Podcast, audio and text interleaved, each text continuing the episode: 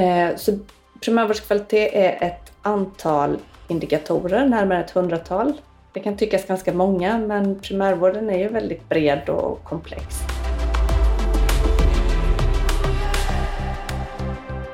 Att man kan göra en bättre helhetsbedömning av den data man har, helt enkelt.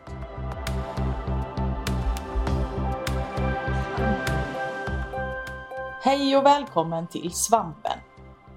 Vi är ST-rådet i Svensk förening för allmänmedicin, SVAM. Vi är ST-läkare och nyblivna specialister från hela Sverige och vi vill bidra till att föra allmänmedicinen framåt. I den här poddserien kommer vi att samtala med personer som på olika sätt brinner för att utveckla just sin del av hälso och sjukvården. De är alla eldsjälar och vi är intresserade av att få veta vad det är som driver dem och att lära oss av deras erfarenheter. Välkommen till Svampen! Hej! Jag heter Ulrika Elmroth och sitter här med eh, Stina Järe Arvidsson. Eh, du är ST-läkare i allmänmedicin och eh, jobbar med primärvårdskvalitet. Dessutom så förkovrar du dig lite mer genom att läsa en masterutbildning i kvalitetsarbete och ledarskap på Jönköping Academy. Välkommen! Tack så mycket! Stina, berätta, vad brinner du för? Eh, jag brinner för utveckling i alla former. Eh, både personlig och professionell och ja, många områden kan man tänka sig. Det vi kommer att prata mest om nu är ju kanske den professionella eh, och organisatoriska eh, utvecklingen. Men eh, det jag brinner för personligen är även typ se blommor växa, barnen växa, all möjlig utveckling. Lära sig saker och utvecklas som människa. Vad är det som är så kul med det? Ja, men jag, jag tror på den här eh, inneboende kraften i alla de här eh, formerna. Eh, den inneboende kraften att utvecklas och det är häftigt att se. Mm. En fascination kanske man skulle kunna säga. Mm. Ja. Och hur tar det sig uttryck då? Ja, eh, dels så eh, om man ska gå till det professionella då så eh, har jag så länge jag har egentligen jobbat som läkare eh, också engagerat mig i förbättringsarbete. Eller det började egentligen redan på slutet av utbildningen när jag gjorde mitt vetenskapliga arbete eh, om förbättringsarbete. Eh, och sen så har det fortsatt i lite olika skepnader beroende på vilka möjligheter som har getts. Men nu på vårdcentralen så eh, det är ju en bra plats för förbättringsarbete för att det är ofta korta kommunikationsvägar och inte så jättestora enheter eh, om man jämför med ett sjukhus i alla fall. Eh, så, eh, mm. Och det är lätt, eller lätt, men det eh, går att lära känna verksamheten eh, på ett bra sätt, vilket man behöver för att kunna utveckla den. Ja, ja det kanske inte är så många som eh, tänker på det, eh, just det här med förbättringsarbete och, och skillnaden vad är det för skillnad mellan forskning och förbättringsarbete till exempel? Förbättringsarbete eh, kan man säga är en del av förbättringsarbetet är ju eh, vad man ibland säger liksom implementering av forskningen. Nya resultat kring vad som är ny standard, hur upp, riktlinjer har uppdaterats. Det kan ju vara ett förbättringsarbete att eh, inkludera det i sina arbetssätt och förändra dem för att göra verksamheten bättre. Och i slutändan så handlar det om att göra hälsan bättre för patienterna. Det är ju det som är den, som är den huvudsakliga strävan, mm. målet. Just det. Därför man har valt yrket. Ja, förhoppningsvis. Ja. mm -hmm. Eh, och det är en hel egen vetenskap alltså? Det är det du läser i den här masterutbildningen? Ja, men precis. Eh, den handlar, den är eh, två år då eh, och är uppdelad på halvfart först och sen på helfart.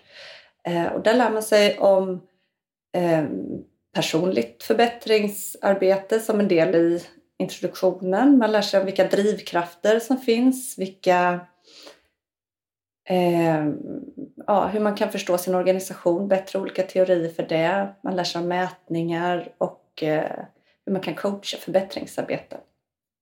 Och samtidigt så gör man förbättringsarbete i sin egen organisation som man läser. Det låter ju superspännande. Det är jättekul verkligen. Och man får mycket energi eh, genom de här träffarna som är en gång i månaden. Det förstår jag. Mm. Har du någonting som du har lärt dig? Nu har du läst ungefär halva utbildningen, eller hur? Ja. Vad, är det några favoritsaker som du har lärt dig hittills?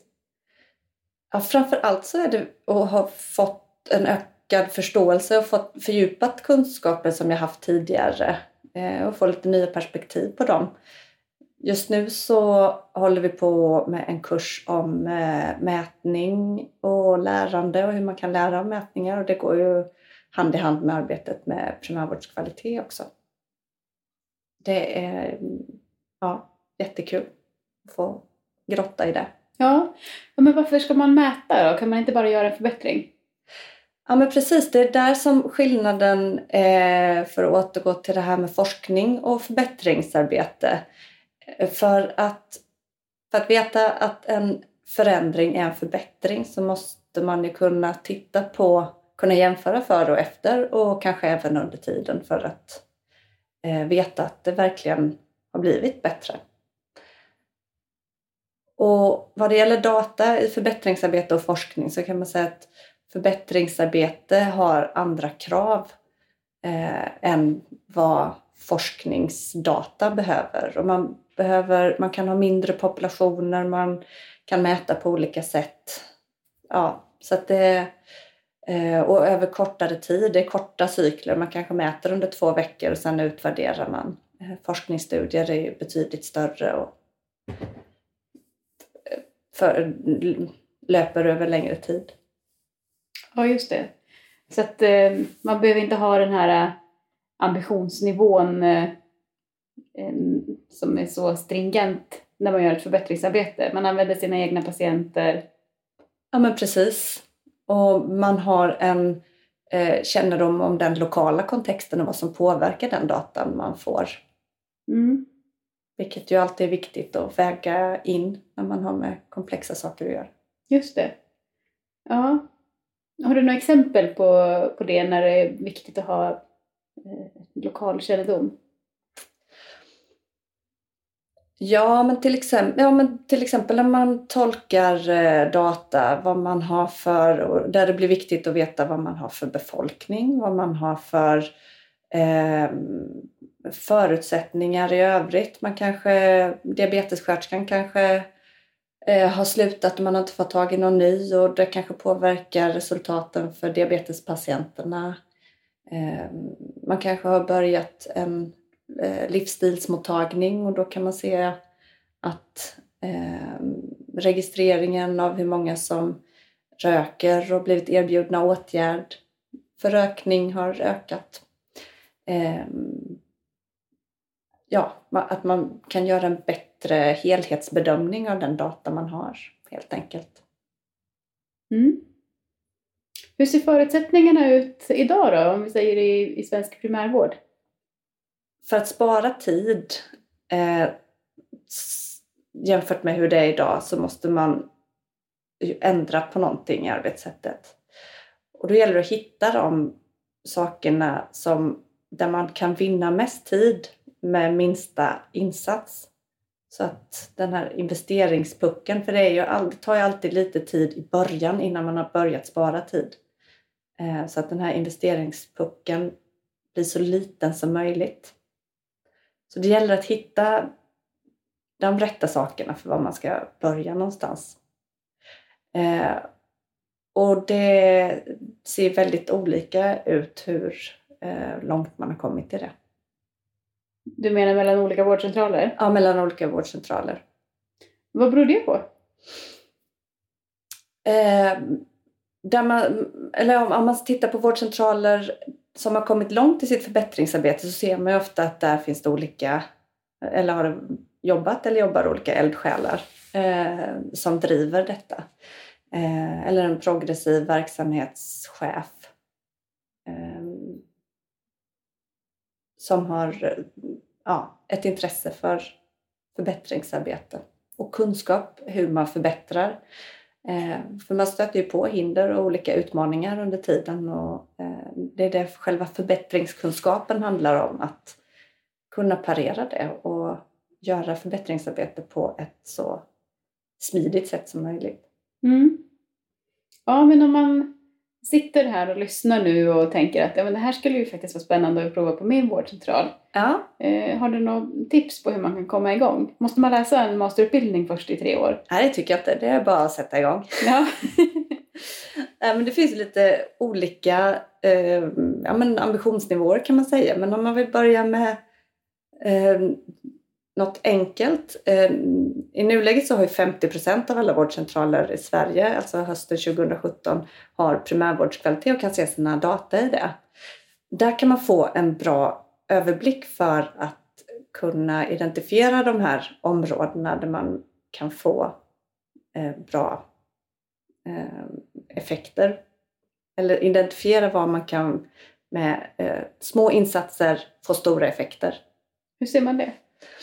Ja, till exempel eh, där jag har, jag har gjort en, en eh, sån här kartläggning på min vårdcentral där jag hittade att 2, 1 av 1 procent av patienterna står för 10 procent av våra besök. Vilket är 200 patienter. Och om vi kunde spara, om de här patienterna bara skulle göra 5 procent står för 5% av besöken så har vi ju vunnit väldigt mycket. Eh, och det är ju tid som vi kan lägga på andra patienter. Och det kan man ju, sen vilka åtgärder man gör för det. Det, det kan ju se olika ut beroende på vad det är för patienter. Om, man, om de behöver en kontaktsköterska eller om de behöver kanske bara ett telefonnummer som de kan ringa. Eh,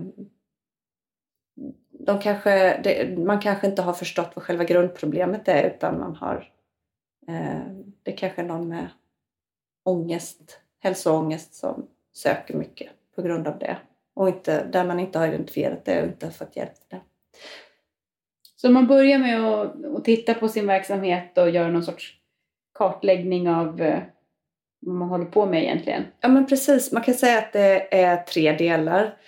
Eh, första delen eh, kartläggning för att veta liksom lite hur det ser ut på vårdcentralen.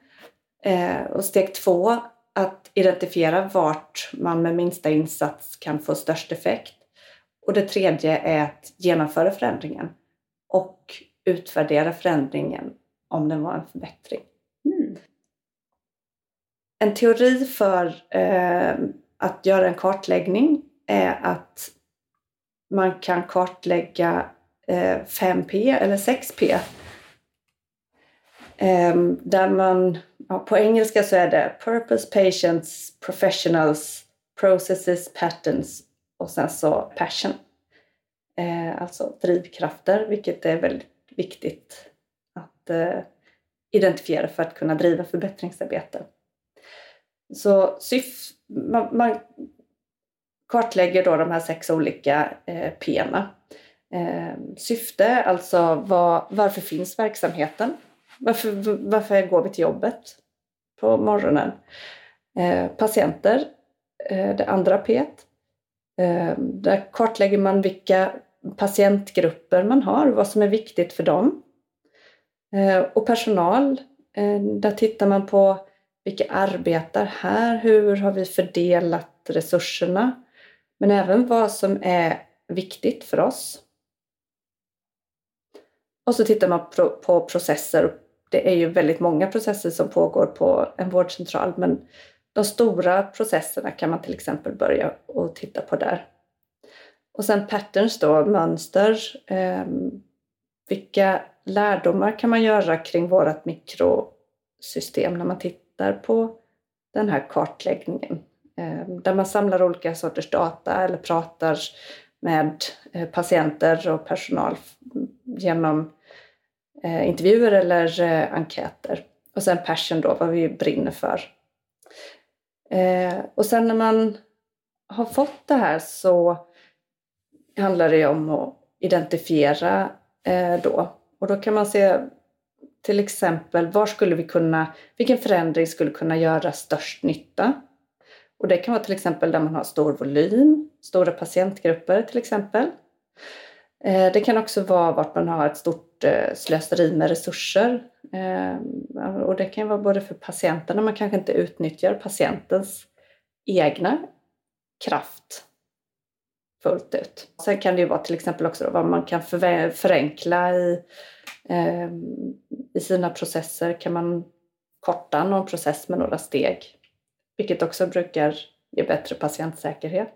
Sen då den tredje punkten att man går vidare och där finns det en modell som heter PDSA-modellen eller genombrottsmodellen. Ehm, där man följer PDSA-hjulet som är Plan, Do, Study, Act. Alltså man planerar förändringen, man gör förändringen och sen ser man hur det har gått för att sen kunna skruva lite till och se vad man behöver förändra för att den ska bli riktigt bra. Mm. Så de tre stegen, eh, då har man eh, kommit en bra bit på väg. Man ja. lär sig mycket under tiden. Just det. Och har roligt förhoppningsvis. Ja, det är väldigt spännande. Man hittar grejer man inte trodde såg ut som de gjorde. Mm. Finns det några verktyg för att komma igång? Ja. På eh, SKLs hemsida så finns det en eh, eh på skl.se primärvårdskvalitet så kan man klicka sig vidare till några moduler där det här finns beskrivet med kartläggning, identifiering och förändringen. Och förändringen finns även beskriven i en digital plattform kan man säga att det är genombrott.nu där eh, det är en digital version av PDSA-hjulet som man kan gå in och dela på, eh, eller alla har tillgång till på arbetsplatsen.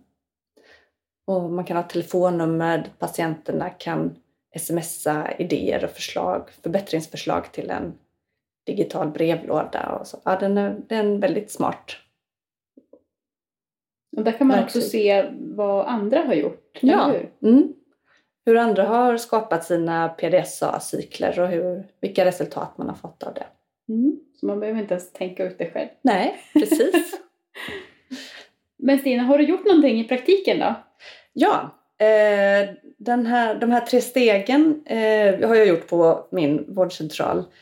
Och där såg jag då i den här första kartläggningen med 6P att eh, jag hittade massa grejer, men bland annat då att vi 10% av våra patienter eh, är hypotonipatienter och att det är en ganska ung grupp eh, och då kan man förutsätta att de har mycket egna resurser. Så eh, då identifierade jag det som en eh, grupp där vi skulle kunna med små medel få en stor effekt eftersom det är en stor grupp. Eh, så vi gjorde upp eh, rutiner för eh, vem som ska göra vad och labbgrupper med förutbestämda prover. Och så delade vi upp det så att patienterna bara kommer till läkare vartannat år och sen vartannat år då till en sjuksköterska som pratar mer om livsstilsförändringar och så och sen så vartannat år när det är läkarbesök så tittar man mer på de medicinska delarna. Och då tar man också lite fler prover och så. så um, Men hur går det för de patienterna som har jättehögt blodtryck då? Ja, det har vi också gjort ett system för med eh, en grupp som är eh, grön, gul, orange och röd beroende på hur blodtrycket ligger. Och sen så har vi identifierat olika åtgärder vad man gör med de patienterna då, utifrån det. Så att alla på vårdcentralen vet precis vilken patient som ingår i vilket spår. Ja, men precis. Och sen patienterna pendlar ju mellan de grupperna då. Och eh, ja, målet är att så många som möjligt ska ligga i den gröna gruppen. Den gröna gruppen som går var- vartannat år till doktorn och vartannat till sköterskan. Ja, precis. Ja. Ja, det var ju smidigt. Ja, Och då använder du de här verktygen som du berättade om. ja men precis. Primärvårdskvalitet då? Det kanske inte är alla som har hunnit vara in och tittat eh, på sina data än. Nej. Eh, primärvårdskvalitet är ju ett eh, kvalitetssystem för primärvården. Det, man kan säga att det är ett slags kvalitetsregister men det registrerar inte, eller kvalitetsregister samlar ju in data, mm, individdata nationellt men det gör inte primärvårdskvalitet utan man samlar in aggregerad data. Men på vårdcentralen kan man se individdata. Eh, så primärvårdskvalitet är ett antal indikatorer, närmare ett hundratal. Det kan tyckas ganska många men primärvården är ju väldigt bred och komplex. Eh, så för att få en bra och balanserad bild av verksamheten så behövs det så många indikatorer. Eh, och det är även tvärprofessionellt vilket gör att det också blir många indikatorer. Det är både medicinska indikatorer, rehab och, och omvårdnad, eh, psykosociala insatser som speglas. Och övergripande viktiga eh, processer som till exempel kontinuitet och samsjuklighet. Mhm. Jaha, men samsjuklighet kanske en del tänker. Har man tagit om patienten har fem sjukdomar, har man lagt ihop alla fem vårdprogrammen då och sett till att man uppfyller alla dem? Vi tittar, eh, vad det gäller dem så tittar vi mycket på har de fått återbesök till exempel. Eh, vilket är en viktig kvalitetsparameter. Ja, just det. Så det är inte alla detaljerna. Nej, inte för de enskilda. Nej. Primärvårdskvalitet är professionens egna kvalitetssystem. Och för att det ska funka överhuvudtaget i primärvården och samla in data så krävs det att allting sker automatiskt. Det ska inte vara några extra registreringar. Så allting hämtas ur olika befintliga system som diagnoskoder, labbvärden, patientadministrativa system till exempel. Mm.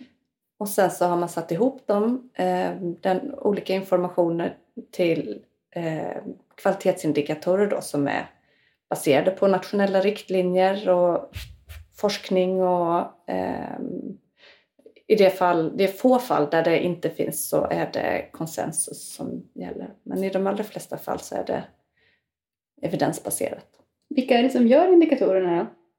Det är eh, representanter från professionsföreningarna, både SVAM, fysioterapeuterna, arbetsterapeuterna, distriktssköterskorna och sjuksköterskeföreningen.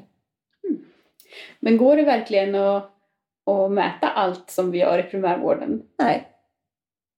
Men det går att mäta en del. Och det är det som skiljer det också från forskning. mm, Och varför det blir viktigt att veta den lokala kontexten för att man ska kunna tolka datan. Men är det inte risk att eh, det hamnar i fel händer? Med tanke på att det är automathämtat så, eh, och det skiljer så pass mycket, det, det tar liksom inte hänsyn till eh, sjukdomsbörda och så, så kan man inte liksom värdera på det sättet utan primärvårdskvalitet är ett system för lärande och reflektion och analys för att man ska lära sig om sin verksamhet och kunna förbättra den och följa resultat över tid. Men hur ska vi få tid till allt det här nu då? Vi har ju redan fullt upp på vårdcentralerna. Ja, man kan ju ställa frågan på ett annat sätt också. Har vi tid att låta bli? Mm. Har vi tid att låta bli att bli bättre och utnyttja våra resurser på bästa sätt? Jag tror till exempel att en outnyttjad kraft är patienternas egna kapacitet att själv ta hand om sin hälsa och vi måste bli bättre på att stödja patienterna i att förstå sina sjukdomar och vad de kan göra framförallt för att må bra och påverka sin sjukdom själv. Hur skulle vi kunna göra det? Ja, dels finns det ju eh, olika eh, tekniska lösningar nu för tiden där patienten kan eh, monitorera. Ja, men som till exempel med blodtryck som vi jobbar i vårt blodtrycksprojekt med. En del patienter eh, har blodtrycksmätare själva hemma och då har vi en rutin för det. Eh, och hur vi registrerar det. Eh, ja, det finns ju flera olika tekniska hjälpmedel men sen handlar det också om en bemötande fråga.